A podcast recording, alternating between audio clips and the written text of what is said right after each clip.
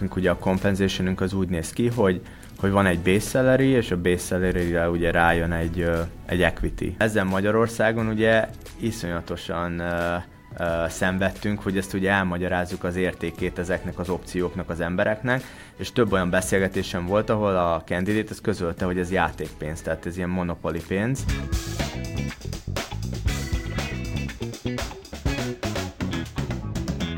Sziasztok! Ez itt a Crafty, a HVS IT karrierrel és munkavállalással foglalkozó podcast sorozata a Tesco Technology állandó támogatásával. Én Böle Gyuri vagyok, a műsor egyik házigazdája, velem van szokás szerint Batis Peti, alias Zero állandó műsorvezetőtársam, illetve két vendégünk is van, Ferik Attila az Éris Globáltól, illetve Balázs a Vice-tól, és mivel ezt azért elmondom, mivel Zero egy picit meg van fázva, és otthonról csatlakozik be, illetve Balázs pedig az Egyesült Államokból csatlakozott be, ezért a hangminőségük lehet egy picikét el fog maradni majd a miénktől, ezt csak úgy előzetesen leszögeztem. És nézzük azt, hogy mivel fogunk ma foglalkozni. A mai témánk egy picit ilyen, talán szokatlan mélyet még nem csináltunk, ilyen kulisszák mögé betekintős lesz. Arról fogunk beszélgetni, hogy hogyan épül fel egy szoftverfejlesztési központ vagy iroda, egészen onnan, hogy egy cég adott esetben eldönti, hogy egy adott lokáción létesít egy bázist. Mielőtt azonban belevágnánk ebbe a témába, Elmondanám, hogy idén is lesz Atlassian Day, egész pontosan március 20-21-én már 9. alkalommal. Ha valakinek nem ugrana be, mi az az Atlassian, akkor talán a zsirát említeném, mert ez, ez talán a legnépszerűbb, mindenki által ismert megoldásuk. Mint mindig a rendezvény fókuszában ezúttal is a vállalati produktivitás és a hatékony ügyfélkezelés van, és az idei rendezvényre is számos külföldi uh, vendor érkezik, akik az előadások mellett workshopokat is tartanak, és a kötetlen beszélgetésre is nyitottak. És a rendezvény apropóján csináltunk a, a metainfesekkel egy uh, egy kis nyereményjátékot, kizárólag a Crafty hallgatóinak. Két jegyet lehet nyerni az Atlassian D-re és azok között lesz kisorsolva, akik regisztrálnak a metainf.hu per nyereményjáték oldalon.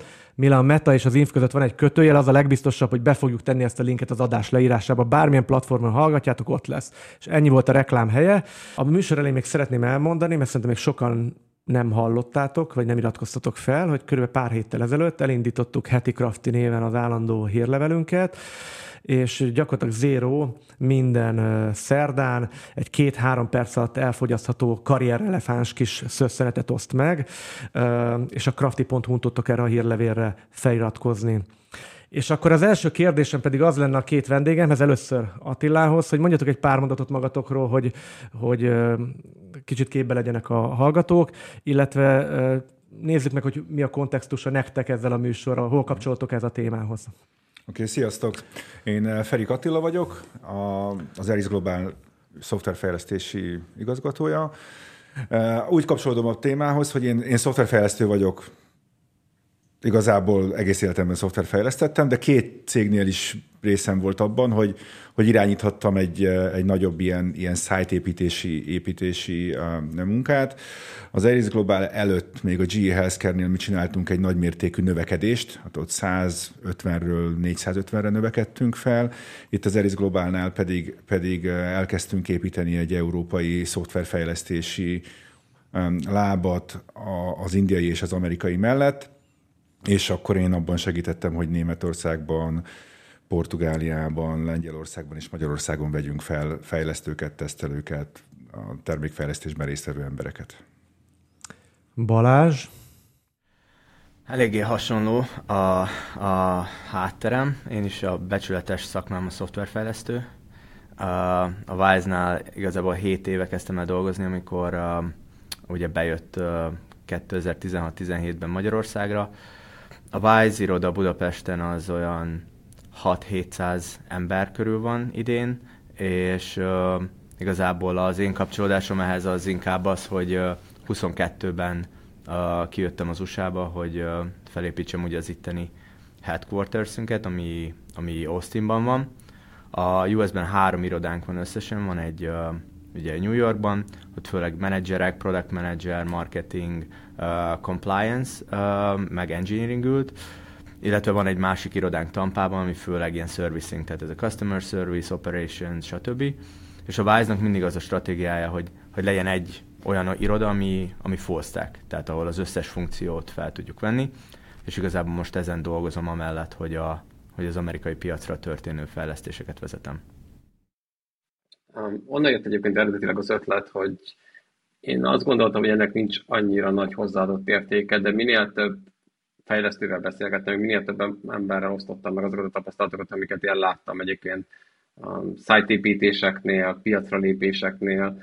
Ez látod, hogy igazából ez mindenkit érdekel, és nem igazán vannak erről egyébként információk, akár az interneten, vagy akár másodkézből is viszonylag nehezen lehet hozzájutni. Szerintem ez önmagában egy nagyon érdekes téma, hogy hogyan dől el az, hogy valaki épít egy irodát, mire érdemes odafigyelni, mik a folyamatok, amiken egyébként a cégek végigmennek ilyen esetekben. És innen jött egyébként az egésznek az apropó, és már nagyjából szerintem egy éve meg akartuk ezt csinálni, úgyhogy ez így pont jó, hogy össze tudtuk hozni Barázsra meg Attilával ezt a beszélgetést, úgyhogy el is indítanám, és szerintem első lépésnek, ami, amit általában egyébként én szoktam látni a túloldalon, ami egy nagy fejtörés, az a lokáció kiválasztása. Láttam nagyon sok beszélgetést ennek kapcsán, hogy miket néznek meg egyébként adott lokációknál cégek függően attól, hogy milyen erőforrás keresnek. Kíváncsi vagyok egyébként, hogy ti mit tapasztaltatok azon az oldalon, ahol ti ezzel találkoztatok, akár a saját környezetetekben, akár máshol. A Balázsra pont beszéltük, hogy ő több olyan beszélgetésben is benne volt, ahol cégek egyébként még adott esetben például Magyarországot, mint lokációt választották, és akkor ezzel kapcsolatban pitchelte az országot nekik. Úgyhogy kíváncsi vagyok, hogy ti mit láttatok ennek kapcsán, mint lokáció kiválasztás a munkakapcsolatom során én azt láttam több esetben, tehát, hogy én csak olyan szájtépítésben voltam benne, amikor már megvolt valamilyen mag, ami, ami fölé építkeztünk. Tehát, hogy, hogy a cégeink azok úgy hozták le meg ezt a döntést, hogy már ott van valamilyen operációnk, általában commercial operáció, és akkor építsünk melléjük fejlesztési, fejlesztési részleget, és nyilván ennek, ennek pénzügyi, üzleti költségvonatkozásai voltak, hiszen Magyarországon amúgy jó véleményük volt. Ezen kívül, amiben én még benne voltam, Magyarországnak van a, a befektetés ösztönző ügynöksége, akikkel mi, mint, mint GE Healthcare, annak idején nagyon jó kapcsolatot építettünk ki, és ő, ők többször hívtak engem is, hogy, hogy beszéljek eh, Magyarországon befektetni tervező cégekkel, cégek képviselőivel, hogy hogy miért jó Magyarországra termékfejlesztést, szoftverfejlesztést hozni. És a, meséljek az én tapasztalataimról, akár, szár, akár szájtépítés, akár, akár a, a piacon elérhető emberekkel kapcsolatban. Egyébként ez a HIPA, ugye, amire Igen. hivatkoztál? Igen. É, ö, én arra lennék kíváncsi, hogy, hogy nyilván ez egy átpolitizált történet, hogy, mert a G-nek egy csomó országban van leányvállalata. Tehát, hogy mi alapján dönti el, hogy adott esetben, mi alapján dönt a G, hogy itt kezd el bővíteni, és nem Lengyelországba, vagy, vagy Csehországba? E, azt gondolom, hogy ez nagyon sok esetben csak egyéni preferencia kérdése. Tehát, hogy, hogy azok, a, azok a döntéshozók, ők milyen kapcsolatban állnak az adott országnak a, a, az adott országban már, már dolgozó emberekkel. Tehát, hogy most, ha most Lengyelország vagy Magyarország között akár nézzük, költségben nem igazán nagy a különbség. Sokkal inkább az a, az a, az a különbség, hogy mondjuk az a döntéshozó az már mennyit dolgozott együtt mondjuk magyarokkal, vagy, vagy akár lengyelekkel. Az a G ebben egy, egy, tényleg egy jó példa, mert, mert van fejlesztőközpontja Lengyelországban is és Magyarországon is. Mégis Magyarország volt ö, az első kelet-európai fejlesztőközpontja, pont azért, mert hogy, hogy már akkor nagyon nagy, a G-nek nagyon nagy ö, ö,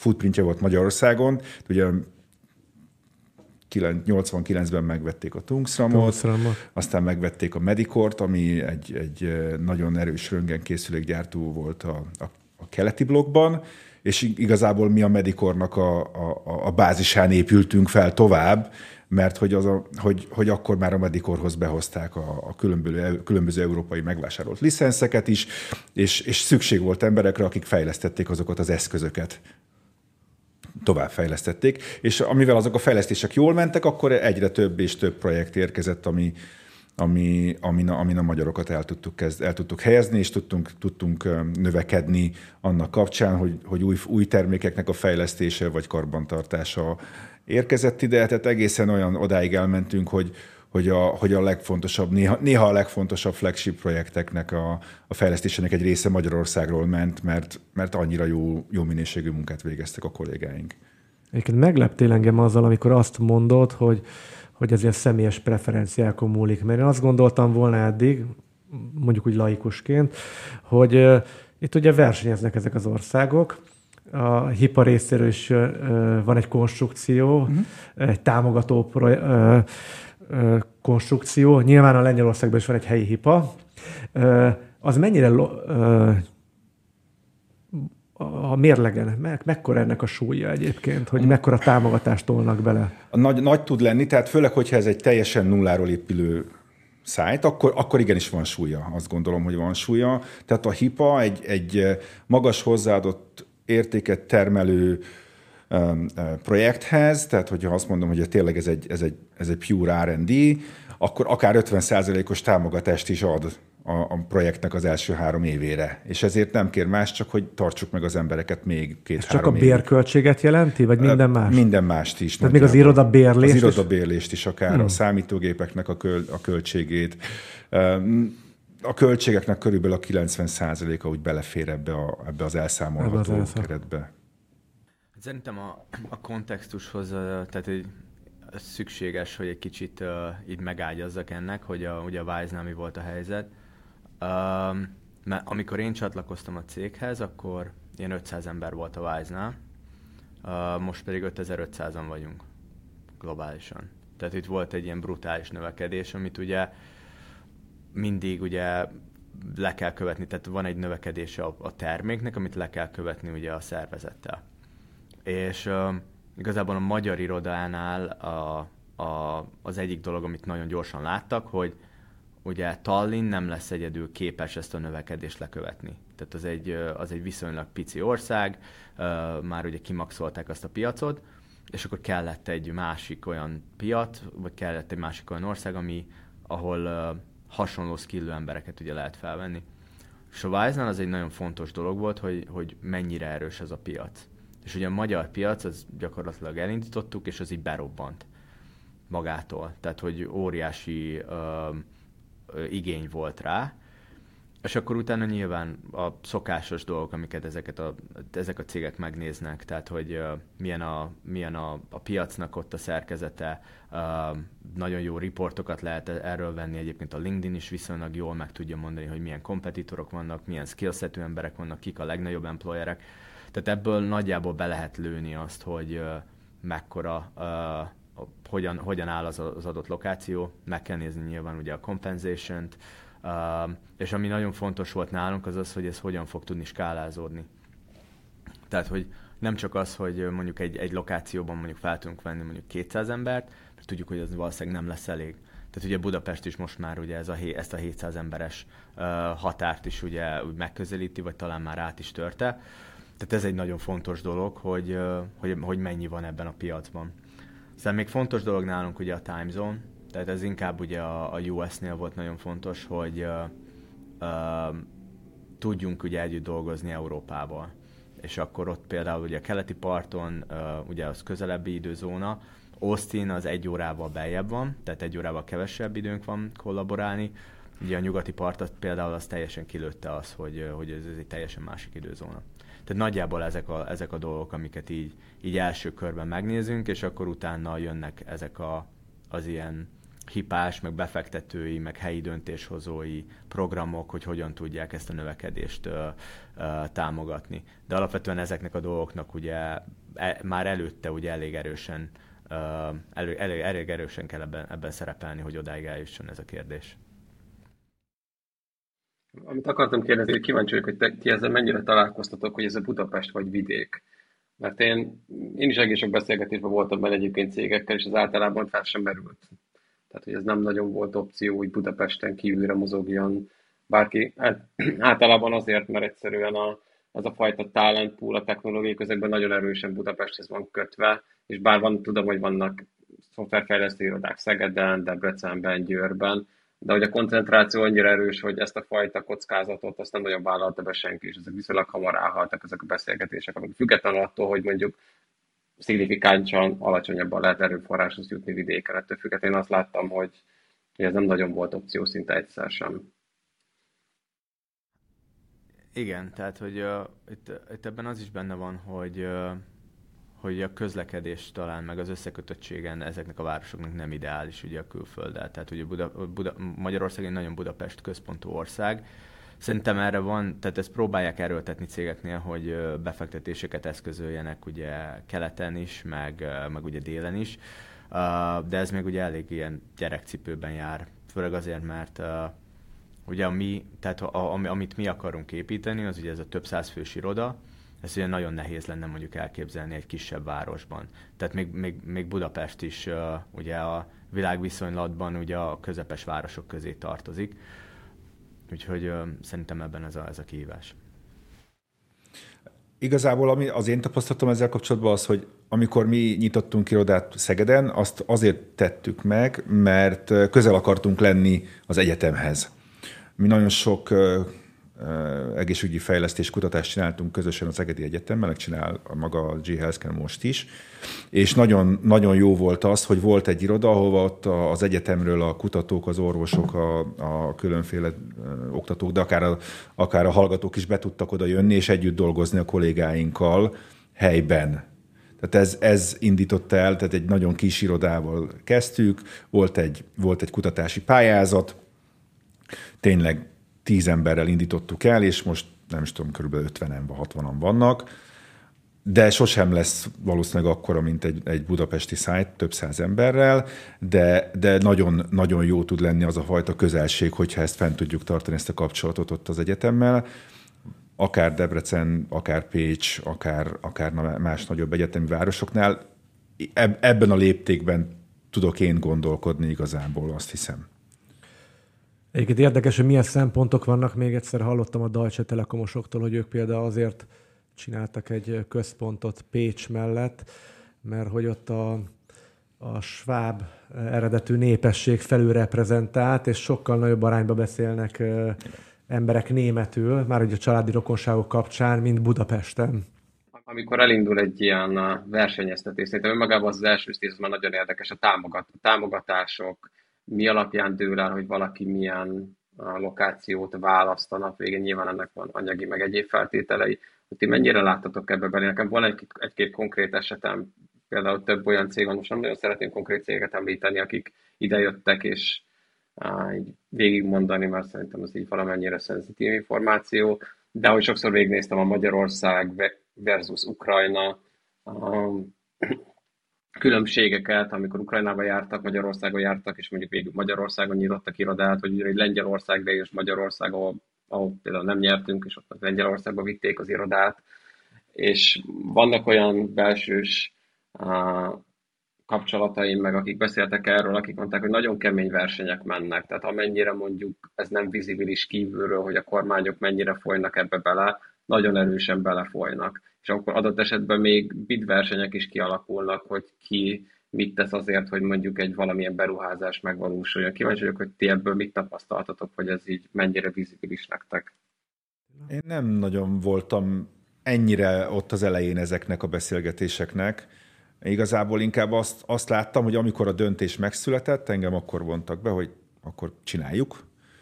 De nagyon sok esetben azt látom, hogy, hogy olyan munkák és projektek eh, jönnek Magyarországra, amit a, amit a vállalat amúgy is szeretne megcsinálni, és nyilvánvalóan sokkal olcsóbb Magyarországon, mint mondjuk az Egyesült Államokban, és hogyha ehhez még jön állami támogatás, annak nagyon örül mindenki. De, de nem feltétlenül ez az első számú szempont.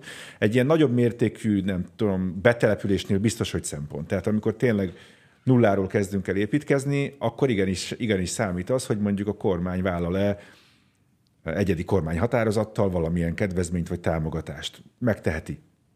De hogy, hogy ezt pontosan, pontosan hogyan és milyen módon csinálják, én ebben nem voltam, nem voltam része ezeknek a beszélgetéseknek. Um, szerintem nálunk ez, ez uh, nyilván fontos volt. Ugye fontos az is például, hogy különböző dokumentációkat mondjuk lehet-e mondjuk angolul eh, intézni egy, egy adott országban. Ez például a, a, a főleg ugye a Nemzeti Bankkal történt olyan integrációnál jött elő, hogy ugye mindent magyarul kell csinálni, az például egy, mondjuk egy nehézség különböző mondjuk licenszeknél. Alapvetően szerintem a, nekünk egy jó üzleti döntést kell hozni, tehát hogy ezeknek, amik, amikről korábban beszéltem, ezeknek kell ugye megfelelni, és ugye ez egy pluszpont, hogyha a kormány ugye nagyobb támogatást tud adni, de ez, ez mondom, ez már egy ilyen late stage dolog. Nem, nem, nem, nem, szerintem egy cég sem úgy keres következő irodát, hogy megnézik, hogy hol mondjuk a legnagyobb a támogatás.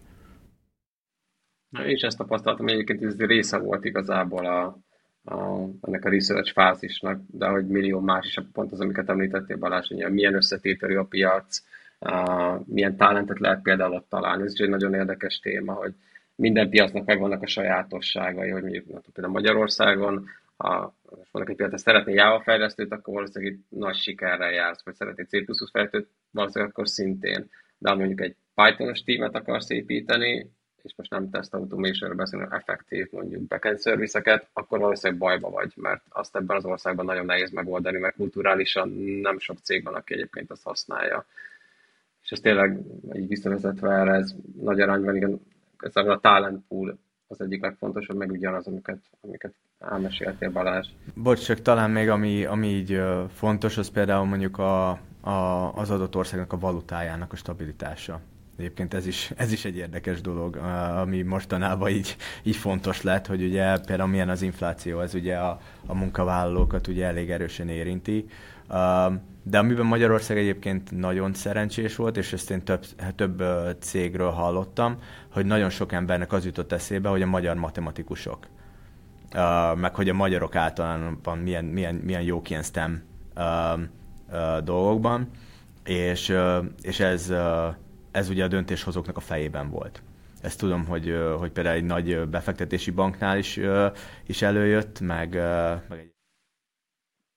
Igen, ez egyiket, amit mondasz, ez egy nagyon jó példa, és ez nekem pont be sem ugrott, hogy nem egy olyan beszélgetésen ült, ami onnan indult, hogy valakinek valahol magyar kollégái voltak is, hogy ők mennyire kiemelkedően jól teljesítettek, és hogy addig a pontig mondjuk nem is feltétlenül tudtak arról, hogy itt egyébként milyen talentek vannak, de hogy a, most néha sorolhatnám az embereket, a Jani meg a Tamás milyen jók voltak, és hogy beszélgettünk velük is, hogy mi lenne, hogyha esetleg onnan még egyébként szintén hasonló talenteket vennénk fel. Nem egy iroda egyébként így jött ide, hogy volt konkrétan egy magyar munkavállaló, akire, aki nagyon jól teljesített, és akkor ezt ezen felbozdulva, pláne miután megtudták, hogy mondjuk a, ahhoz képest, ahol mondjuk volt a lokációhoz képest mondjuk milyen költséggel lehet egyébként ugyanolyan talenteket felvenni, és ez egy nagyon jó indikátora volt annak, hogy ez valószínűleg jó lehet ez a piac, és elég sok szájt az így valósult meg.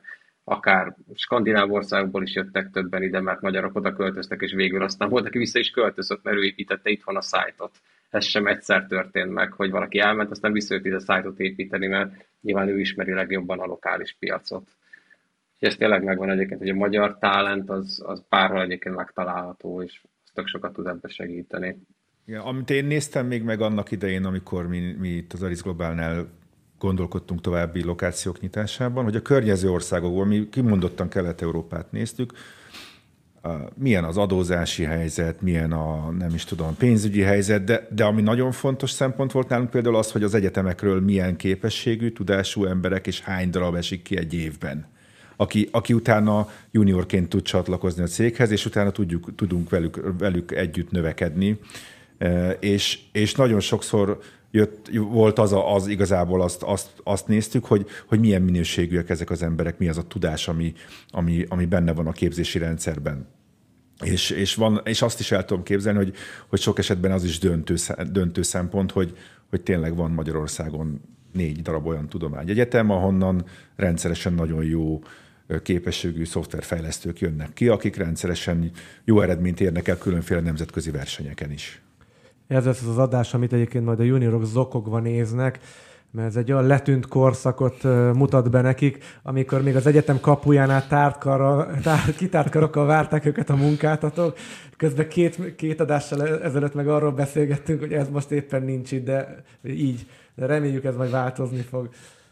Jó, egy átcsap a praktikus részére, itt több dolgot összeírtam egyébként, amit így láttam, hogy fontos a cégeknek, amikor konkrétan elindul az, hogy elkezdenek egy szájtot építeni, és ennek, ennek része a brandépítés, az első hire kiket vesznek föl a legelején, a, ennek szerves része az a céges kultúra, a céges, illetve engineering kultúra, hogy hogy tudják egyébként átültetni azt, ami mondjuk megvan az anyacégben, de ezt nyilván valahogy szimbiózisban működtetve a lokális környezettel, a magyar kultúrával. Szóval ezt igazából így, így próbálnám egybe kezelni ezt a témát, hogy kíváncsi vagyok, hogy ti ezzel kapcsolatban mit tapasztaltatok. Azt gondolom, hogy én szerencsés helyzetben vagyok. Én, én az elmúlt 23 évben egészségügyi fejlesztéseket csináltam, és nagyon könnyű egy ilyen, nem is tudom, célt adni az egész munkájának az embernek, hogy, hogy, hogy, hogy az, a, az a termék, amit, ő, amit ő, ő, az ő munkájával együtt fejlesztünk, azután segít az emberek életének a javításában, gyógyulásában, megmenteni őket. Ez, ez, ez, ezzel nagyon, nagyon jól föl lehet építeni egy ilyen, egy ilyen célt, hogy, hogy, hogy miért is csatlakozik valaki egy, egy adott céghez, aki, aki mondjuk egészségügyi termékfejlesztéssel foglalkozik, de hogy minden cégnek ki kell építeni azt a, azt a célt, azt a purpose-t, ami, ami segít a, abban, hogy, hogy, hogy, hogy megmutassa az érdeklődőknek, a, a, a, fejlesztőknek, tesztelőknek, hogy, hogy miért érdemes a, az adott céghez csatlakozni a fizetésen túl. Ez egy nagyon fontos dolog. Amikor a GE Healthcare-nél mi, mi elindítottuk a nagy növekedési projektünket, akkor volt egy célunk, hogy három éven belül legalább 170 embert vegyünk fel. És ehhez mi, mi csináltunk egy hatalmas előkészítő munkát. Tehát volt egy kis csapatunk, aki, aki, aki azon gondolkodott, hogy hogyan lehet fölépíteni a brandet, hogyan kell megszólítani a fejlesztőket, milyen, milyen eh, médiumokat veszünk ehhez igénybe, és nem feltétlenül csak az interneten, és nem feltétlenül csak, csak eh, megkeresés útján. Eh, mi meg megcél, meg, megbíztunk egy kreatív ügynökséget például azzal, hogy, hogy segítsen nekünk egy ilyen, ilyen kampányt felépíteni, és nagyon-nagyon érdekes, izgalmas ötletek voltak, ami, ami sok energiát generált igazából a piacon, és nagyon sokat, sokat segített abban, hogy, hogy elérjük, a, elérjük magukat az embereket. Illetve én, én nagyon hiszek a, az ajánlásokban. Tehát, hogyha valaki jól érzi magát egy cégnél, akkor egy előző, cég, előző, előző munkahelyéről tudja, mag, tudja ajánlani kollégáit, vagy egyetemi kapcsolatokat fel tud melegíteni, és ezek az ajánlási rendszerek, ezek nagyon, nagyon sokat segítenek nekünk. Én nagyon szeretek olyan embereket fölvennek, akik, akiket valaki ajánl, és nem csak egy, nem tudom, kétszer, háromszor, négyszer, 45 perces interjú alatt kell eldönteni azt, hogy illik-e a, a kultúrába, vagy sem. Igazából ez a tehát az első pár hire az, az nyilván kritikus és fontos, de szerintem ami talán ennél fontosabb az az, hogy a, a megfelelő donorok legyenek azon a lokáción. Tehát olyan emberek, akik már ugye a cégben vannak bizonyos ideje, és ugye tudják a kultúrát, és itt ugye a minőség és a mennyiség is fontos. Uh, például mielőtt én, én, én kijöttem ide, próbáltam beszélni minél több emberrel, akik építettek ilyen, ilyen szájtokat ugye Magyarországon, vagy külföldi cégekkel, és um, például a BlackRock-tól például azt tanultam, hogy egy MD-vel beszéltem erről, hogy ők, ők 20 vagy 15-en érkeztek az első időszakban, amikor ugye Magyarországra jöttek. Tehát már megvolt az a mag, ami ugye kiépítette azt az irodát.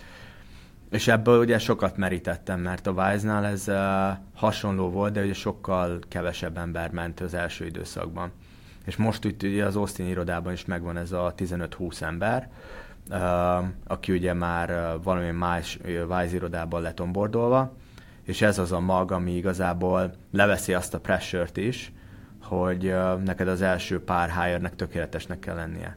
Tehát, hogyha ne Isten, mondjuk nem az, akkor hogyha vannak melletted mondjuk olyan emberek, akik a, a napi ügyeket ugye ugyanúgy tudják intézni, és megfelelően teljesítenek, akkor sokkal könnyebb azt a hibát mondjuk kijavítani, és tovább lépni, mert a legtöbb ilyen irodaépítésben egyébként vannak hire Tehát ez, ez, ezekbe elég egyszerű belefutni, mert egyszerűen nem ismered a piacot, nem ismered a, a, a különböző cégeket annyira, és kell idő, hogy ebbe beletanulj. Tehát nekem ez volt egy ilyen nagyon ilyen, ilyen fontos lecke, mielőtt így kijöttem, és ami, ami szerintem, szerintem uh, viszonylag jól sikerült itt.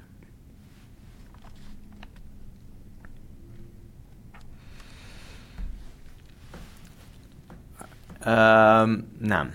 Tehát a Wise azt hiszem két vagy három embert hozott, amikor a budapesti iroda megvolt, és abból azt hiszem kettő például visszament mondjuk hat hónap múlva. Tehát ugye sokkal ilyen rövidebb távú volt, de ott igazából közelebb volt az iroda Tallinnhoz. Tehát az is sokat segített, hogy meg a Wise, a Wise ugye nagyon sokat utaztatja az embereket. Tehát az ott, az ott könnyebb volt, de szerintem ez szerencsésebb ebbe, ebbe nagyon beleinvestálni, és az elején tényleg egy ilyen komoly, komoly maggal oda menni egy új lokációra. Ezzel nagyon egyetértek, tehát hogy mi a, annak idején a G Healthcare-ben nekünk ugye volt már egy valamilyen fejlesztő bázisunk, és ott, ott felnevelődött az a réteg, aki már készen állt arra, hogy följebb lépjen valamilyen vezető pozícióba, és, és köréig tudtuk építeni az újabb csapatokat. És ők, ők nagyon jól tudták integrálni az embereket a kultúrába, a, a, a policyhoz, a mindenféle eljárásrendekhez.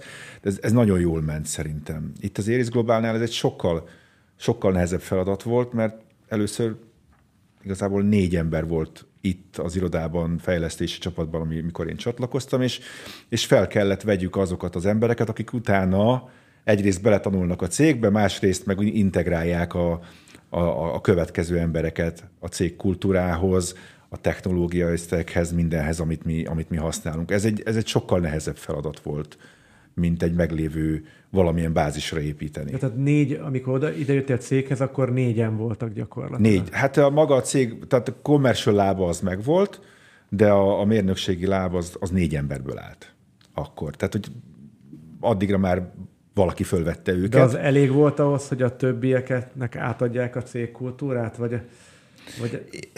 I- igen, ugyanis viszont mi fölépítettünk egy olyan, olyan, olyan struktúrát, az Eris Globálnál, ami, ami nagyon segített minket abban, hogy hogyan integráljuk ezeket az embereket.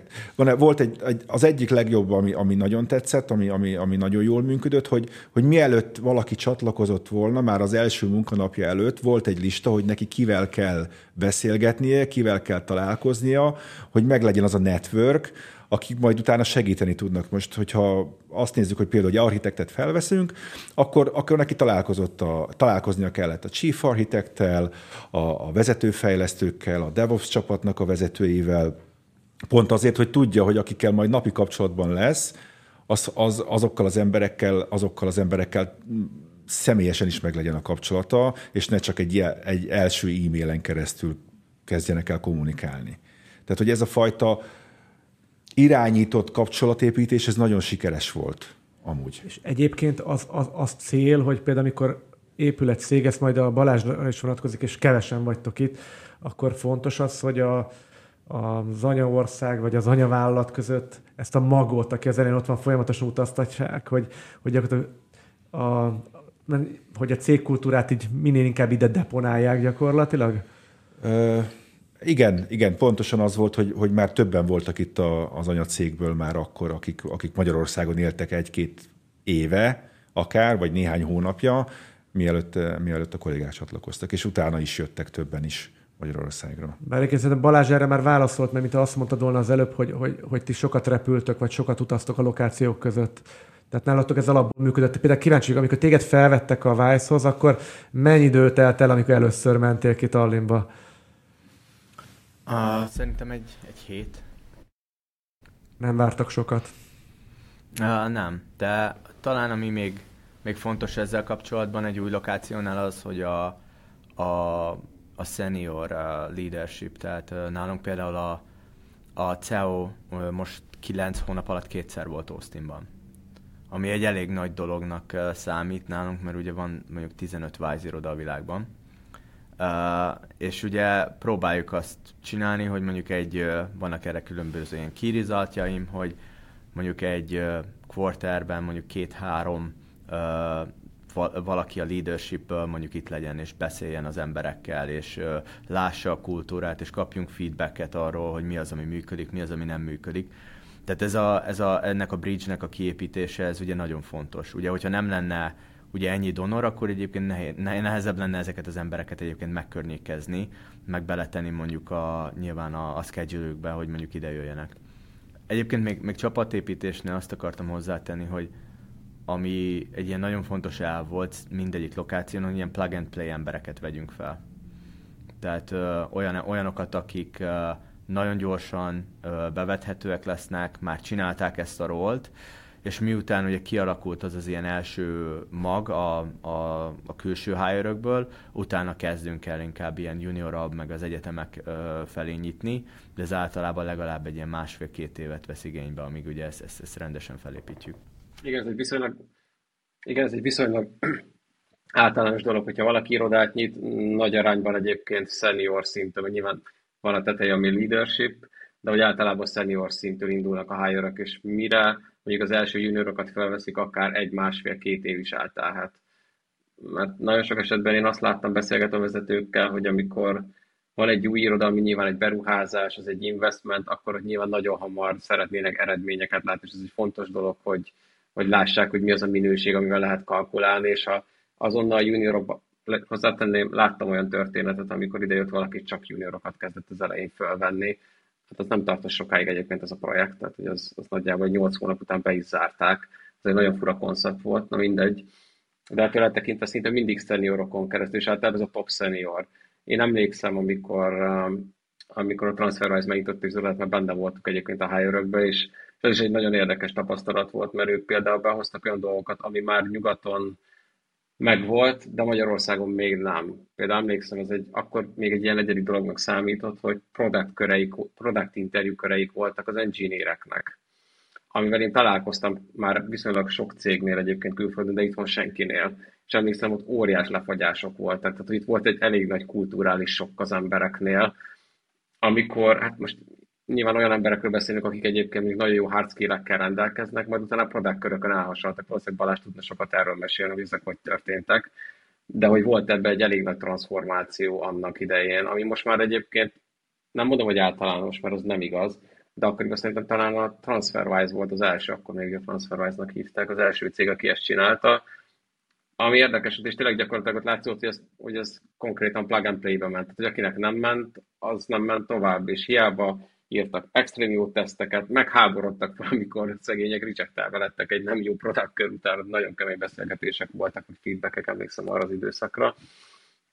De a nap végén meg nyilván uh, titeket igazolta az idő, meg azok, azok a döntések, függetlenül attól, hogy mondjuk milyen talentektől estetek el adott esetben, mert nyilván a plug and emberek azok viszont bekerültek.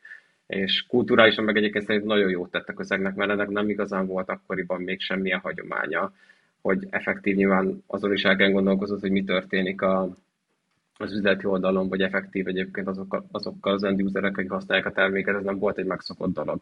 Ma már nyilván egy picivel másabb, de hogy akkoriban még ez tényleg nem volt meg. A, a maximálisan egyetértek azzal, hogy a, hogy a sikerek, a, főleg a kezdeti sikerek fontosak. Tehát elfogadja a menedzsment azt, hogy elindul a fejlesztés, kell néhány hónap, hogy, hogy, hogy jöjjenek az első emberek, kell néhány hónap vagy hét, hogy, hogy, hogy beleszokjanak a, a kultúrába, de utána, utána várják az eredményt. Tehát egy, ne, én azt gondolom, hogy, hogy ha, ha valakinek van lehetősége abban választani, hogy milyen projekttel indul egy, egy ilyen új szájt, akkor egy, egy alacsonyabb kockázatú projekttel kell indítani, amihez megvan a tudás, megvan a tapasztalat, nem kell túl sok doménismeret, és akkor abban, abban hamar lehet sikereket elérni, és sikereket felmutatni, és, és, és kialakul a, a bizalom a szájt irányában. Hogyha ez a bizalom nem alakul ki, akkor, akkor nagyon, nagyon nehéz ezt, ezt felépíteni. A másik dolog, amit én láttam, hogy, hogy vannak olyan kulturális különbségek, amire, amiket igenis tanítani kellene mindkét oldalon, tehát akár az új szájton is azt, hogy, hogy hogyan gondolkodnak a, a mondjuk az anyaországban, vagy az anyaszájton, illetve, illetve az ottani döntéshozókat is egy kicsit, kicsit fel, kell arra, a, fel, kell, fel kell őket világosítani arról, hogy mondjuk a magyar fejlesztők hogyan gondolkodnak. Nagyon sokszor, főleg a, amit én láttam, hogy, hogy mondjuk az optimista észak-amerikai hozzáállás és, a, és az igen, igen negatív magyar, magyar fejlesztői hozzáállás az, az konfliktust eredményezett, amikor, amikor mondja mondjuk az amerikai product manager, hogy mi a, milyen funkcionalitást kellene lefejleszteni, és természetesen a magyar fejlesztő ezt le tudja fejleszteni, mégis azzal kezdi a mondandóját, hogy mi miatt bukhat meg ez a fejlesztés. És ezt, ezt nagyon nehéz, ezt a, ezt a fajta kulturális különbséget ledolgozni, vagy, vagy, vagy, vagy le, leborítani, ledönteni. És, és igenis azt gondolom, hogy a menedzsmentnek abban nagy, nagy szerepe van, hogy ezt a, ezt, a, ezt a hidat ezt felépítse a, a különböző vezetői csapatok és, és az új szájt között. Ez abszolút, ez, ezzel teljesen egyetértek. Ugye talán a, a legnagyobb különbség ugye a magyar meg, a, meg az amerikai kultúra között van, de olyan egészen pici dolgokban is például ez előjön, hogyha valaki prezentál valamit, akkor ugye Amerikában ez egy ilyen, az egy ilyen rút dolog, hogyha nem kérdezel akkor azt gondolják, hogy akkor téged nem érdekel. Magyarországon pedig nagyon, ugye nagyon sokan úgy gondolkoznak, hogy hát igazából mindent értettem, tehát nincs semmi kérdésem. Ez nem azt jelenti, hogy nem érdekel a dolog, de ugye ebbe ugye sok, sok ember ugye beleláthatja azt, hogy mondjuk nem, nem ugye úgy mondják, hogy nem engaged az emberek, és ilyenkor ugye egyébként ez a Wise ez kevésbé volt hangsúlyos, mert nálunk ugye nagyon nagyon-nagyon nemzetközi a közeg, tehát 125 nemzetiségű ember dolgozik nálunk, és ugye a Wise-nak ezt nagyon kevesen tudják, a, a fejlesztése az uh, Ukrajnából indult. Tehát a Cserkaszi nevű városból indult a Wise, uh, ott volt az első fejlesztőiroda, és a fejlesztőknek a nagy része például ugye ukrán volt, vagy ugye ilyen nagyon kelet-európai. És, az, és hozzájuk képest viszont viszont eléggé ilyen, ilyen nyugatiak vagyunk, tehát ők még nálunk is ugye sokkal kevesebbet beszélnek, Um, szóval, szóval ennyire, tehát hogy tudták az emberek kezelni egyébként a magyar kultúrát a Vájzon belül, tehát ez nem volt ilyen nagy probléma, de, de nyugati cégeknél um, hallottam én is nagy, nagy csodálkozásokat. Egyébként megvan, azt én is láttam, tehát hogy végignéztem egyébként, benne voltam több cégépítésben, itthon is, most éppen egyébként Lengyelországban is, és nagyon-nagyon nagy kulturális különbségek tudnak lenni. És ezért, ezért ez pont nagyon sokat segíteni, amit említettetek, hogyha valaki egyébként relokál, tehát hogyha valaki oda megy, és in person látja ezt az egészet, és hogy látja, hogy mi van mögötte, hogy nem feltétlenül rossz szándék van például a mögött, hogy valaki nem kérdez, hanem ül, vagy hogy mondjuk sok esetben mondjuk pessimista tud lenni a magyar fejlesztő. Át, hogy ezt lehetetlen megcsinálni, át, ez nem fog sikerülni. Aztán persze nyilván elkészülnek a dolgok, csak hogy máshonnan indul a beszélgetés, mint mondjuk egy másik lokáción.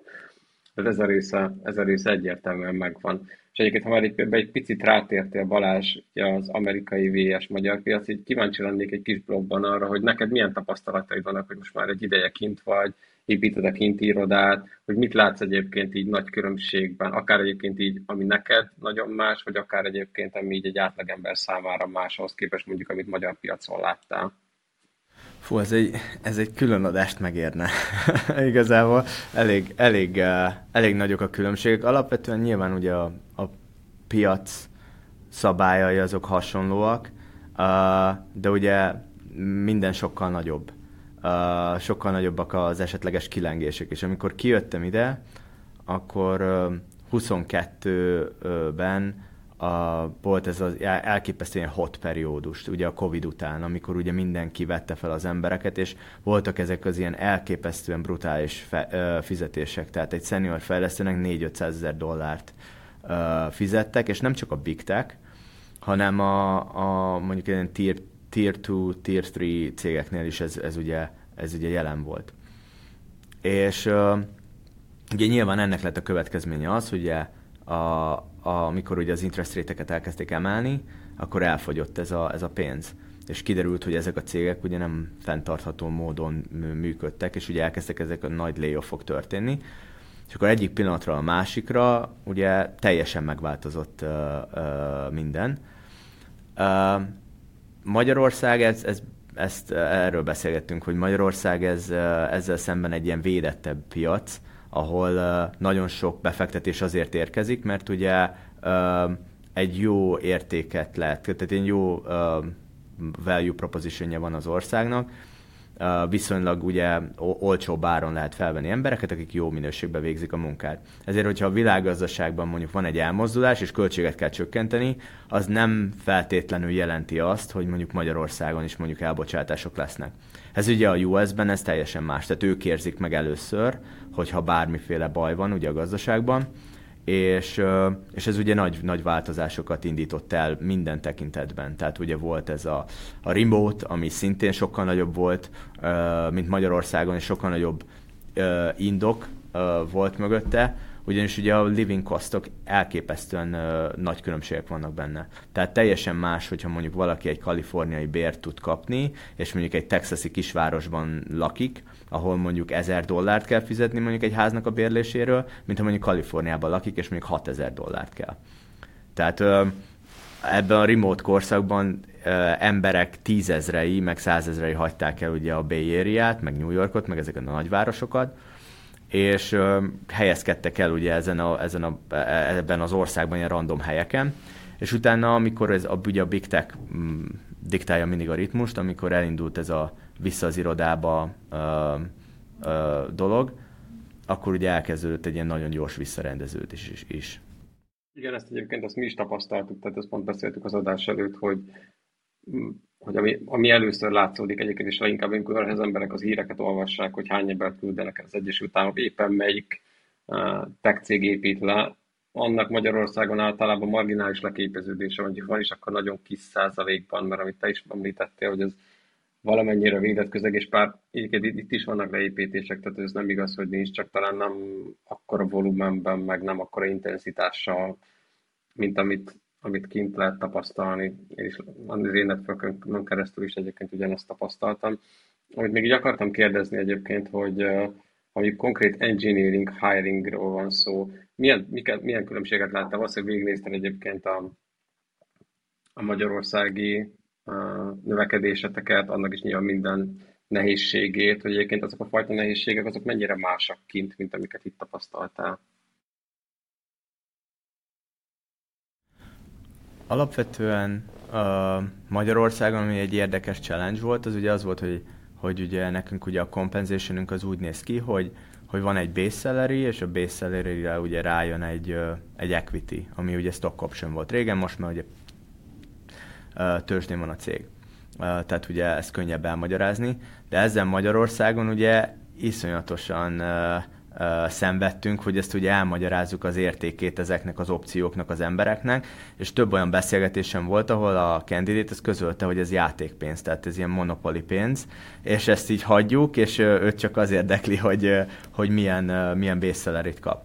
A US-ben ezzel kapcsolatban ugye az a standard, hogy, a, hogy az emberek ugye equity-t akarnak és, és által, általában ugye úgy van a compensation, hogy mondjuk 50% a base salary, és mondjuk 50% mondjuk az equity. És ahogy ugye egyre szeniorabb rólokról beszélünk, úgy megy fel az equity-nek egyébként a, a százaléka. Tehát, hogy ez egy ilyen óriási nagy különbség, és általában az emberek um, talán um, kockázatvállalóbbak, és ugyanakkor uh, uh, jobban követik a piacot. Tehát jobban uh, többet tesznek a karrierjükért, mint mondjuk, mint mondjuk otthon. Nyilván ugye több is a lehetőség, de ez egy nagyon, ez is egy nagyon ilyen, ilyen tipikus dolog, hogyha ha interjúztatsz Amerikában, akkor valószínűleg az a candidate, az mondjuk öt céghez interjúzik uh, szimultán módon és van egy ilyen kis Excel sheetjük, ahol mindenhol beírják az offereket, és egy ilyen bidding war akarnak csinálni a különböző cégek között. Tehát azt mondják, hogy ez a cég, ez ezt mondta nekem, ez a cég. Ugye ez Magyarországon ez, a, ez abszolút ismeretlen, vagy, vagy nagyon-nagyon kevésszer történik meg, de ezek olyan dolgok, amikhez például itthon, vagy itt ugye nyilván hozzá kellett szokni. Igen, ez nagyon ritkán történik amit említettél, ez a fajta bidding war. Bár egy-kétszer találkoztam vele itthon is, de mondjuk ez az amerikai piacon sokkal jellemzőbb. Ami nekem egyébként nagyon szembetűnő volt, évekkel ezelőtt találkoztam először, amikor én is elkezdtem az amerikai piacon dolgozni, hogy nagyon máshogy kezelik a céggel szembeni lojalitást. Az nekem ez egy nagyon érdekes tapasztalat volt, amikor főleg egyébként keleti parton, nagyrészt New Yorkban dolgoztam cégekkel, és amikor beszélgetsz valakivel, és megkérdezed a notice periodot, ami ugye nyilván Magyarországon, meg Európában ugyanúgy megvan, és, és nyilván az, hogy mondjuk két hét, az már önmagában fura, de nyilván ezt elfogadod, hogy máshogy működik a piac. De amikor látod, hogy valaki még nagyon régóta dolgozott egy cégnél, directory szinten van, és megkérdezed, hogy mondjuk akar-e több időt mondjuk a két héten kívül, és azt mondja, hogy nem, mert hogy ez a line managernek a problémája, nem az övé. Az egy nagyon érdekes történet, amikor többször ugyanebbe, ugyanezzel találkozom, versus mondjuk Európába, ahol mondjuk nem tudom, három hónapos felmondási időd van sok esetben már, és még ott is ott van az, hogy mondjuk hát még lehet, hogy maradnék, mert, mert be kell fejeznem ezt a projektet, tehát ez a mindset nagyon különböző, és ez, ez volt nekem az egyik legszembetűnőbb egyébként így az amerikai piacon összehasonlítani, és nem ez nem Magyarország szemben, hanem inkább az ilyen Európa versus a amerikai piac specifikus, hogy ez nekem ez egy nagyon érdekes dolog volt, hogy egy, hogy egy nagyon másfajta, nem is tudom, lojalitás, egy működés van az emberekben. Vannak ezek a, ennek megvan a másik oldala is, tehát hogy uh, itt uh, at will employment van, ami azt jelenti, hogy ugye nincs, nincs hogy hívják az első időszakot, amikor... Időszak. Próbaidő, nincs próbaidő.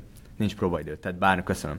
Tehát bármikor mondhatja azt ugye a munkáltató, hogy hogy nem szeretne tovább ezt folytatni, és ugye ugyanezt mondhatja a, a munkavállaló is, és ugye két hétnek kell eltenni ez a notice period. Tehát, hogy ennek megvan ugye a másik oldala is. Szerintem itt is nagyon sok ember van, aki nyilván egy idő után kötődik a céghez, és, és lojális, de látják a másik oldalát is. Tehát amikor ezek a layoffok megindulnak, akkor ugye érdemes nézni ezeket az ilyen engineering fórumokat, ahol ugye mennek ezek a beszélgetések, és, és ugye a, rossz oldalán vannak akkor a, ezeknek a dolgoknak.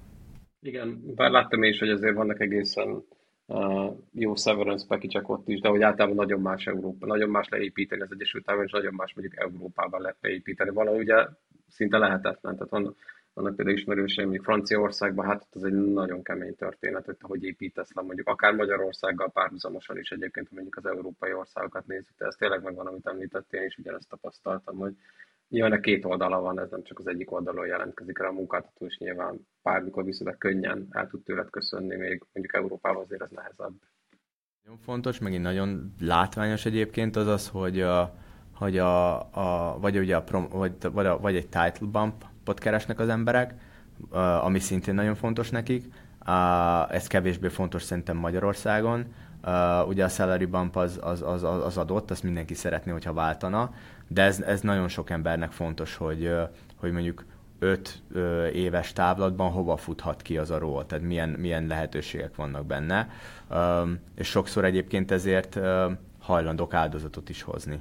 Tehát nagyon sok embernél ugye úgy néz ki ez a karrierút, hogy mondjuk vannak egy nagyobb cégnél, elérnek egy, egy, egy magas pozíciót, és de, de utána ahhoz, hogy mondjuk egy tír, magasabb tírben lévő céghez elmenjenek, ami mondjuk egy, egy Meta vagy egy, egy Amazon, hajlandóak egy kisebb rolt mondjuk bevállalni, hogyha mondjuk compensationbe feljebb szeretnének lép, lépni, aki pedig mondjuk scope-ban szeretne előrelépni, az lehet, hogy egy nagyon nagy uh, salary cutot fog bevállalni azért, hogy mondjuk egy, egy kisebb startuphoz mondjuk elmehessen mondjuk egy szeniorabb rólba, mondjuk direktor volt, és VP of Engineering szeretne lenni.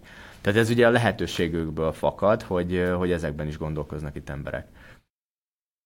Akartam valamit kérdezni, mert mondtál előbb egy olyat, hogy gyakorlatilag bármikor felmondhatnak neked, és ugye itt ez a skála nagyon tág, ugye, hogy van ez a fajta foglalkoztatás, aztán van az, amiről szokott az Zéro beszélni, hogy Franciaország, meg Németország, ahol gyakorlatilag nem lehet téged eltávolítani, hogy amikor kicsit az adás elére reflektál, hogy egyébként amikor kiválaszt egy cég egy lokációt, hogy irodát visz oda, ezeket a szempontokat is mérlegelik, az ilyen munkajogi történeteket, stb. stb.? Igen. Igen, tehát hogy, hogy azt láttam én, tehát mi megnéztük azt pontosan, a, azt is, hogy hogy milyen a felmondási, vagy a munkajog, hogy hogyan lehet felmondani, milyen körülményekkel, de igazából nem láttunk nagy különbségeket, maximum ilyen most egy hónap vagy három hónap kb. kb. ez, a, ez a szint Európában, de, de az tény, hogy, hogy Franciaországban annak idején, amikor a G Healthcare-én dolgoztunk, ott, ott nagyon erősen meg kellett gondolni azt, hogy, hogy ott, ha ott tovább növekszünk, akkor, akkor annak milyen ára lehet később de, de azt gondolom, hogy, hogy ennek is megvan az előnye munkavállalói oldalról mindenképpen. Meg amit, amit én látok, az, hogy itt Magyarországon mondjuk az IT-ban nem nagyon izgalmas az, hogy van, van-e szakszervezet, vagy nincs-e szakszervezet, meg nem is nagyon szokott lenni szakszervezet IT-s cégeknél, de, de mondjuk Nyugat-Európában ez egy teljesen bevett dolog, hogy ott a, a, a, a szoftverfejlesztők is szakszervezeti tagok, mert az még, még a, azon a, azon a nagyon fejlett jogi környezeten vagy jogi védelmen felül is extra védelmet tudnak nyújtani egy dolgozónak. És ez, ez, ez tökre fontos az ottani munkavállalóknak. hogy most beszélgettünk ugye a kezdeti időszakokról, a kezdeti hire itt tök jókat mondhatok ezzel kapcsolatban. Mik lehetnek szerintetek egyébként a buktatók, ami még itt szintén az elején? Én láttam egy-két céget egyébként, akinek nem jött össze a skálázódás, akár Magyarországon, akár környező országban, de kíváncsiak, hogy ti mit láttatok ebből, hogy mik azok, aminál lehet csúszni. Szerintem egy nagy dolog az a, az a transzparencia, a, ami, aminek meg kell lennie. Tehát amikor oda mész egy új országba, akkor az embereknek tisztába kell lenni azzal, hogy mik lesznek az elvárások feléig, hogy ez egy milyen cég, milyen a pace, uh, mi, mit kell teljesíteni uh, ahhoz, uh, mi a legfontosabb itt, hogy hogyan dolgozunk, és ebbe egyébként a, a, most már ugye visszajöttek ezek az on-site interjúk, ezek rengeteget segítenek. Tehát a, sokkal hatékonyabban lehet felvenni valakit úgy, hogyha leülsz vele egy asztalhoz, vagy el tudtok menni ebédelni, mint ha mondjuk csak mondjuk Zoomon beszéltél vele ezeket az ilyen 45 perces, ilyen gyors interjúkat. Szerintem ez egy nagyon-nagyon fontos dolog, hogy, hogy, hogy mindig a, a, a, azt, a, azt a rolt add el, ami meg fog történni, ugye, amikor, ahogy ugye bejön a céghez, és, a, és ugye pontosan tudják azt, hogy, hogy ugye mibe kezdenek bele.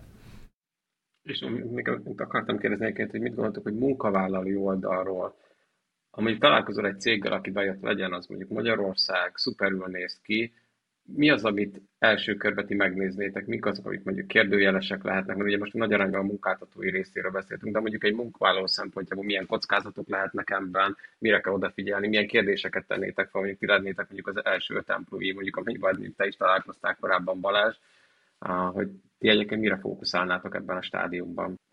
Megnéznék azt, hogy mennyi a, a mekkora a stabilitás a, a, mondjuk a leadershipnek.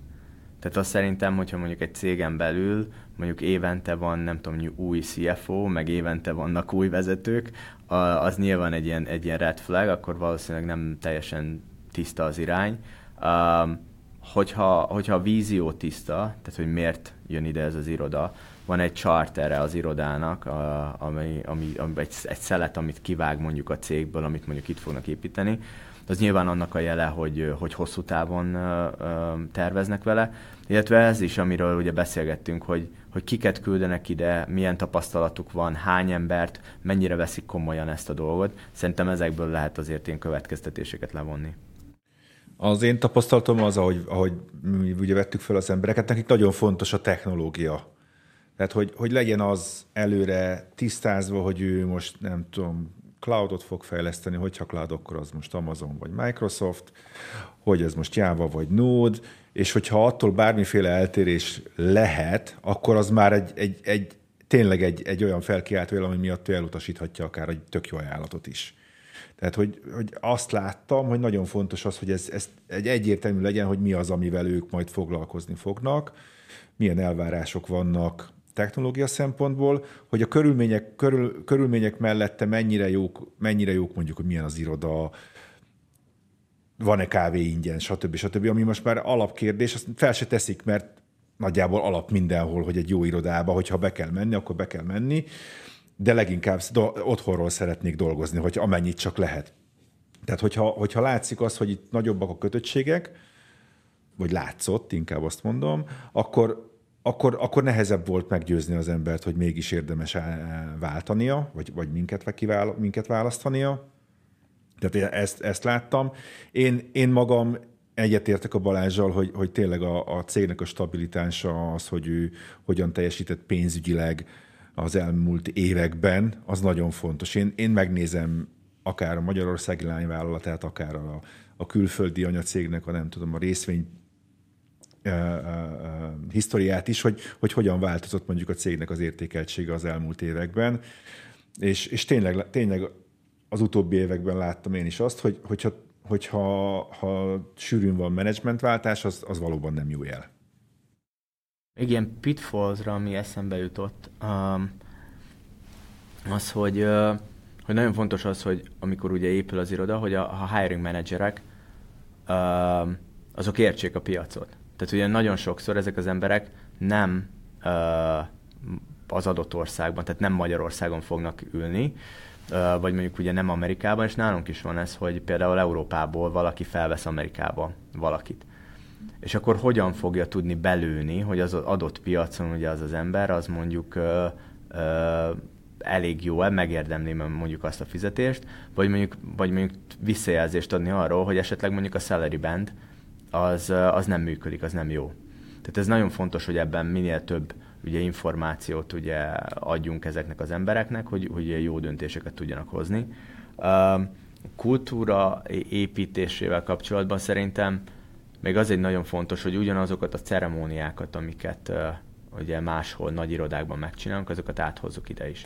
Tehát nálunk például van ez a Mission Days, ami egy évente, évente kétszer történik meg, és ilyenkor az egész cég összejön, és átnézzük azt, hogy milyen eredményeket értünk el az adott fél évben, hogy a mission kapcsolatban, és mik a prioritások, és ezt például most idén először Austinban csináltuk meg. És itt volt egy ilyen mini konferencia, itt volt ugye a Stripe-nak a, a CTO-ja, tehát egy viszonylag ilyen, ilyen, ilyen nívós ö, eseményt ö, ö, hozunk ilyenkor össze, és ez is, ez is ugye építi a, a, a kultúrát. Van egy olyan része is az egész szájtépítésnek, meg működésnek, amikor már eljut az egész egy olyan stádiumba, hogy megvan a szájt, már, már látszódik egyébként, hogy jól működik, már mondjuk adott esetben mondjuk már juniorok is dolgoznak, tehát hogy van egy ilyen alapműködése, és sokszor azt látom, amikor ez a honeymoon periódus egyébként véget ér, elindul mondjuk a fluktuáció, illetve belépnek például olyan dolgok, hogy ez a, amikor a szájtok elkezdenek egyébként egymással versenyezni, akár projektekért, akár bármi más, és ez, ez mondjuk ezt nem csak termékfejlesztő cégeknél láttam, outsource cégeknél is ez mind gyakorlatilag független attól, hogy ki milyen területen dolgozik. Hogy ti mit láttok, amikor elindul már ez a része egyébként, amikor nagyon sok más típusú működés is egyébként belépít day-to-day a, a cég életébe, hogy ez egyébként mint munkáltató, és most ez nyilván nagy arányban inkább a munkáltató részére hegyezném ki, hogy mit lehet ezzel a résszel egyébként kezdeni, hogyan lehet ebbe jól működni, hogyan lehet érvelni mondjuk annak kapcsán, hogy a, nem tudom, a magyarországi 500 fő szájtból 1000 fő szájt legyen, hogy ti mit láttatok ennek az oldaláról, így akár belülről?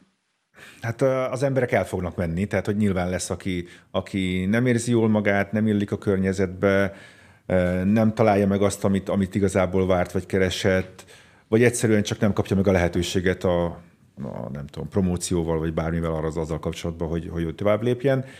Ez, ez, ez része minden vállalat életének, azt gondolom, mert ez, ez, ez nem fog gondot okozni sehol. Tehát, hogy máshol is van, van, mennek el az emberek, ez természetes, de, de azzal egyetértek, hogy, hogy nagyon nagy a, a verseny a különféle szájtok között, annak érdekében, hogy ki milyen projekten tud dolgozni, ki tud tovább növekedni, és ehhez, ehhez viszont az kell, hogy a, hogy a site folyamatosan tudja mutatni a saját erősségeit, legyen, legyen valamilyen identitás, vagy valamilyen site identity, ami, ami, ami mire azt lehet mondani, hogy mondjuk Magyarországon nagyon jó a, a data science csapat, és akkor lehet egy, lehet egy olyan, olyan projekt portfóliót fölépíteni, ami inkább a data science köré működik, még mások, más szájtok mondjuk, mondjuk sokkal jobbak, nem tudom, customer facing frontend applikációk fejlesztésében, mert hogy olyan a, olyan a, olyan a, a tudás, amit össze, összeépítettek az évek alatt, vagy az előző éve, éve,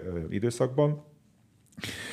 Úgyhogy, úgyhogy én, én e felé próbáltam mindig tolni, hogy legyen, legyen valami, valami olyan különleges képessége a szájtnak, ami, ami nyilván megvan máshol is, csak nem biztos, hogy, hogy van elérhető kapacitás, vagy könnyű azt a kapacitást megtalálni. Úgyhogy ez, ez nálunk például sikeres volt, tehát nagyon fontos talán az, az még, hogy, hogy legyen egy olyan, olyan beágyazottság a menedzsmentben is, hogy, hogy meglegyenek azok a kapcsolatok, azok a személyes csatornák, amikor, hogyha valamilyen probléma adódik tényleg itt a honeymoon periódus után, nem működik egy projekt, nem tudja tartani a határidőt, akkor, akkor, akkor ez az információ ez már hamarabb elérjen a döntéshozókhoz, mint amikor, amikor már esetleg robbanna mondjuk azért, mert az ügyfél nem kapja meg időben a, a projektjeit, vagy, a, vagy a, azt, amit várna. Tehát, hogy, hogy nagyon, nagyon jó, jó információ áramlásnak kell lenni, és itt vissza is utalnék arra, amit a Balázs mondott, hogy ez a transzparencia, ez, ez fontos, és a transzparenciának is vannak különböző szintjei, és, és azt hiszem, hogy, hogy ez a fajta transzparencia, az a fajta network, ami, ami még ez, ez, ez alatti kommunikációt is enged, az nagyon sokat tud segíteni abban, hogy, hogy egy ilyen, ilyen hullámvölgy időszakban, ami mindenképpen jön, azon átsegítse a szájtot, és utána újra tudjon növekedni. De itt a transzparencia mit jelent? Tehát mert a zéró kérdése kicsit ilyen po- politizálós Igen. dologra utalt, hogy az egyes, az egyes lokációkon mindenki helyezkedik nyilván, hogy jobb pozícióba kerüljön.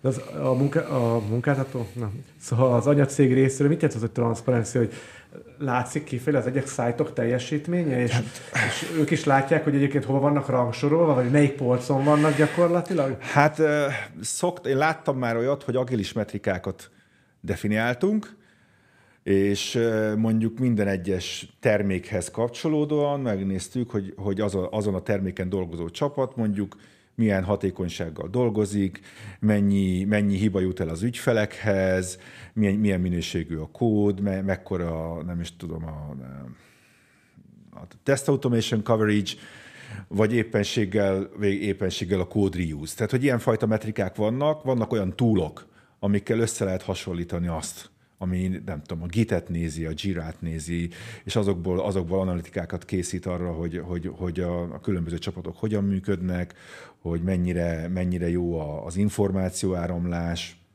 de hogy ilyenek vannak, és, és akár mennyire rossz vagy nem rossz, bizony a menedzsment ezek alapján, még ha nem is illik, de hasonlítja, összehasonlítja a szájtokat, vagy összehasonlítja a termékfejlesztési csapatokat, és, és, és sokszor láttam azt, vagy többször láttam azt, hogy, hogy ezek a metrikák utána, utána a csapatok úgy dolgoznak, hogy jó képet mutasson ez a metrika róluk. Tehát, hogy, hogy fontos az, hogy nézzük, hogy, egy, hogy a site maga az hogy fejlődik, hogy halad előre, és, és hozzuk meg azokat, a, azokat a, az akciókat, amik, hogyha, hogyha eltérnénk a céltól, akkor azok, azok segítenek. Fontos, hogy, hogy maga a, a site-nak a leadership csapata az, az összezárjon, és egy irányba húzzon, és, és, és mindig, mindig nézzék azt, hogy hol kell beavatkozni annak érdekében, hogy, a, hogy az esetleges jövőbeni problémák, vagy a fennálló problémák a lehető leghamarabb megoldásra kerüljenek. Um, alapvetően szerintem ezt kiveséztük. Uh, talán így a, a, a Wise oldalról, meg az én tapasztalataim azok ezzel kapcsolatban azok, hogy hogy ugye nagyon fontos az, hogy megfelelő arányok legyenek az irodában. Tehát mondjuk 50 főre jusson egy, nem tudom, level 7-es vezető, 100 főre jusson egy level 8-as vezető, és minimális legyen a reporting line, ami, ami mondjuk egy másik lokációra vezet, direktben ebből az office-ból. Tehát, hogy próbáljuk meg a szervezetet teljessé tenni az adott irodán belül. Ezért azért fontos, hogy, hogy az emberek megkapjanak egy hasonló coachingot, ami mondjuk a headquartersben mondjuk megkaphatnak. Nyilván nem lesz ugyanaz, tehát hogy ha valahol mondjuk Londonban van mondjuk 2000 ember, és ott van a CEO, meg a CTO, meg alattuk lévő réteg is, nehéz ugyanazt megadni, de erre törekedni kell. És ugye szerintem minden cégnek az érdeke az, hogy, hogy ne legyen ilyen politika, de ha van is, akkor ezt a, a, az emberek ne érezzék az adott szájton. Tehát, hogy ne érezzék úgy, hogy azért estem el ettől a lehetőségtől, mert ez a ról mondjuk oda került, mert ez nem fair. Tehát, hogy ez, ez egész egyszerűen ugye nem az ő hibája, és ugye az adott szájtnak ugye az a felelőssége, hogy, hogy ezektől mondjuk megóvja az embereket, és inkább objektív irányba vigye el a, a, a, ezt a kérdést. És egy olyan dolog, ami, ami egyébként nekem még talán fontosabb, mint mondjuk a, a, a céghez való tartozás a site szempontjából, az az ügyfelekhez való kötődés. Én már igazából mindig azt fogja megadni azt, a, legalábbis a Wise-on belül, hogy, hogy milyen a motivációd, a, a mission felé, és milyen a motivációd az ügyfelek felé. Tehát például nálunk van egy ilyen dolog, hogy minden uh, quarterly planningen meghívunk uh, ügyfeleket, uh, vagy egy étterembe, vagy az irodába, és beszélgetünk velük, és meg, megértjük pontosan, hogy mik az ő problémáik, van egy, van egy folyamatos nexus velük, és ezekben ugye a servicing csapatok meg mindenki ugye részt vesz, és ez egy iszonyatos uh, uh, edge-et adhat, uh, akkor, hogyha pontosan érted ugye az ügyfélnek a problémáit, um, és nem csak mondjuk egy specifikációban kapod meg, hogy ugye mit kell lefejleszteni. Szuper volt ez a példa, amit mondtál Balázs. Nem, igazából egyébként tényleg azért is akartam erről a témáról beszélni, mert egész sok site volt szerencsém beszélgetni nagy arányban egyébként Magyarországon, és látom, hogy sokszor egyébként problémaként kiütközik, hogy, hogy az, hogy mondjuk rámész mondjuk egy leadership trackre, és mondjuk te engineerként elkezdted mondjuk a karrier, és egy hirtelen egy site lead pozícióba találod magad, és mondjuk pont hasonló helyzetekkel találkozol, hogy belép a politika, belép az, hogy tényleg milyen értéket generál ez a site, aminek te éppen már a site leadje vagy úgy, hogy még nem, nem fél évvel ezelőtt mondjuk egy team leadje voltál, az egy nagyon más típusú működés vár egyébként tőled, és sokszor azt látom egyébként, hogy meg tudja rémiszteni a, az embereket, úgyhogy ezért is akartam, hogyha tök hogyha van pár praktikus tanácsatok, mert valószínűleg nagyon sokat láttatok ennek kapcsán, és biztos lesz még más is, aki egyébként hasonló, találkozik hasonló helyzetekkel, vagy jelenleg is hasonló helyzetben van itthon, vagy akár egyébként más lokáción. És szerintem ezt így tök jól összefoglaltuk. Illetve így nézve a nócomat, szerintem egyébként végére értünk a, a teljes témának, és azt akarom kérdezni, hogy van-e bármi, ami még szerintetek fontos lehet, vagy ami még így tök jó lenne, de kimaradt, vagy van bármi, ami így ezzel kapcsolatban szerintetek egy érdekes téma? Egy dologra reflektálnék arra azzal kapcsolatban, amit mondtál, hogy, hogy valaki, aki fejlesztőből lesz vezető, team lead, site lead, ez, ez nem tud történni igazából gyorsan. Tehát, hogy, hogy a cég akkor, akkor dolgozik, a cég akkor dolgozik uh, hogy tehát fejleszteni kell ezeket az embereket, akikben látjuk azt, hogy van, van bennük e, arra, arra kapacitás, hogy, hogy, hogy vezetők legyenek. Ezt a vezetői készséget is tanulni kell, ugyanúgy, mint ahogy szoftverfejlesztést, vagy Java-t, vagy Python-t. És igenis investálni kell az emberbe, el kell küldeni őt olyan tréningekre, ahol megtanítják azt, hogy hogyan, hogyan ad visszajelzést, hogy hogyan tervezi meg pénzügyileg a, a szájtnak az életét, stb. stb. És ez, ez sok idő. Tehát, hogyha, hogyha nagyon hamar, hamar uh, uh, promotálunk bele embereket egy olyan pozícióba, amire nincsenek készen, akkor az, az problémákat fog eredményezni már a szájt életében is. Tehát nagyon fontos azt szerintem jól megtervezni, és, és végigvinni azt a folyamatot, hogy, hogy hogyan, is, hogyan is fejlesztjük a vezetőinket a szájton belül, hogy utána akár a szájtnak az életét tudják irányítani, vagy annak az életének az irányításában részt tudjanak venni, vagy akár utána a anyaszájtra vagy külföldre tudjanak tovább lépni, amikor készen állnak rá. Tehát, hogy ez a fajta vezetői képzés nagyon fontos.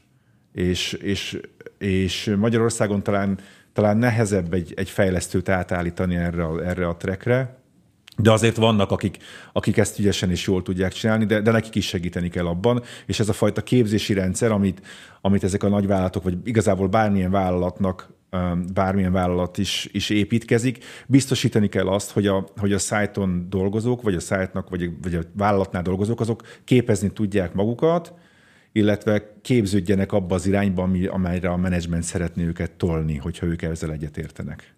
Szerintem egy nagyon érdekes dolog Uh, erről mi úgy szoktunk beszélni, hogy nem az a, nem az a fontos, hogy az adott candidate, akit mondjuk felveszünk, ma meg fogja tudni csinálni a munkáját, hanem az, hogy mondjuk négy-öt év múlva, ugye mondjuk ugyanez a növekedés, ami van nekünk, um, akkor ugye meg fogja tudni állni a helyét. Tehát ez a potenciál, ami, ami, amikor ugye felveszünk valakit, ez, ez elképesztően fontos. És ugye a saját Wise-nál eltöltött időmre gondolok, akkor is uh, igazából egyre izgalmasabb lett, amit csinálunk, és szerintem még öt év múlva talán még izgalmasabb lesz, mint, amit, uh, mint ami, annál is, mint amit most csinálunk. Tehát, hogy olyan cégeket kell keresni szerintem, amiben benne van ez a potenciál, mert hogyha a cégben benne van ez a potenciál, akkor a, a cégnek a növekedése fog húzni magával. Tehát, hogyha valaki uh, nagyobb, nagyobb rólt, meg nagyobb szkópot szeretne, akkor ez szerintem egy, egy nagyon hasznos tanács, hogy olyan céget keresni, ami, ami ilyen, e, ezen a growth tracken van, és szintén el is várja az emberektől, hogy növekedjen. Na és akkor tulajdonképpen ez egy tökéletes zárszó volt. És akkor marad a végére, hogy mi két hét múlva ismét jövünk a Craftival, jövő héten a szerkesztőségi podcast jön a Weekly, Kövessetek minket az összes létező disztribúciós csatornán, pluszjelek, szívecskék, követés, stb. És még egyszer visszahivatkoznak a műsor elejére, hogy hogy a műsor leírásában van egy link, és azon keresztül lehet két jegyet nyerni a az idei Atlassian Day-re. És köszönjük szépen, hogy velünk voltatok Sárszak Attila és Balázs, és elfogadtatok a meghívást, és uh, nyilván a hallgatóknak is, hogy velünk voltak. Köszönjük, sziasztok! Sziasztok! Sziasztok!